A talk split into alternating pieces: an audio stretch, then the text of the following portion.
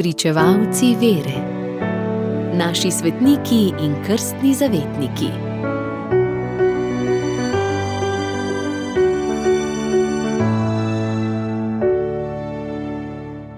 Danes zgoduje mučenec iz 4. stoletja, sveti Bonifacij.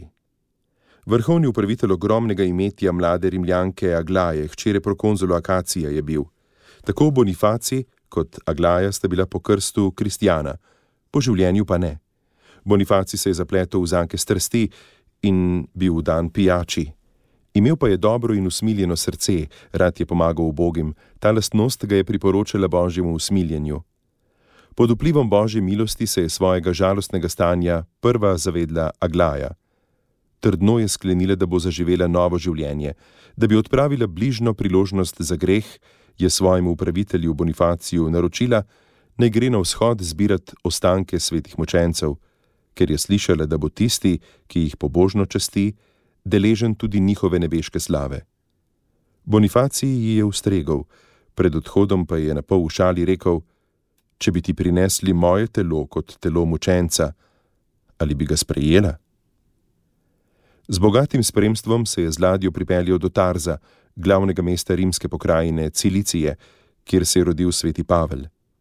Bonifacijeva duša je bila temeljito spreobrnjena, in ko je slišal, kako tamkajšnji cesarski namestnik Simplici divja zoper kristjane, je svoje spremstvo poslal v gostišče sam pa šel v palačo namestnika, ki je ravno tedaj kruto mučil in zasliševal kakšnih dvajset kristjanov.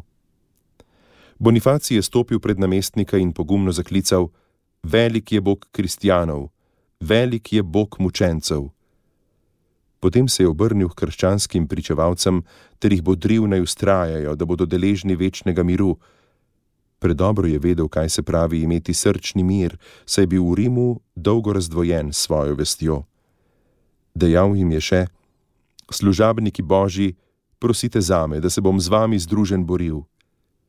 Cesarski namestnik je pobesnel, ukazal je Bonifacija na razne načine mučiti, vendar je vse muke mirno prenašal, tako da so okoli stoječi začeli klicati: Velik je Bog kristjanov. To je simplicija še bolj razjezila in za drugi dan mu je določil smrt v vrelem olju. Ko so ga z glavo navzdol vrgli v kotel, je ostal nepoškodovan, šele meč mu je končal življenje. To se je zgodilo leta 304 ali 305. Njegovi spremljevalci so njegovo truplo odkupili za 500 zlatnikov, ga dali maziliti, zaviti v tančico na to pa so se z njim vrnili v Rim. Ko je spokorna Aglaja to izvedela, je šla s prevodu naproti. Mučenčeve zemske ostanke je pokopala ob latinski cesti zunaj Rima. Ko se je preganjanje poleglo, je dala nad njegovim grobom postaviti crkv. Tam je našla zadnje počivališče tudi sama, potem ko je 15 let živela spokorno in je svoje bogatstvo uporabljala za to, da je izkazovala dela usmiljenja. Radio Ognišče, vaš duhovni sopotnik.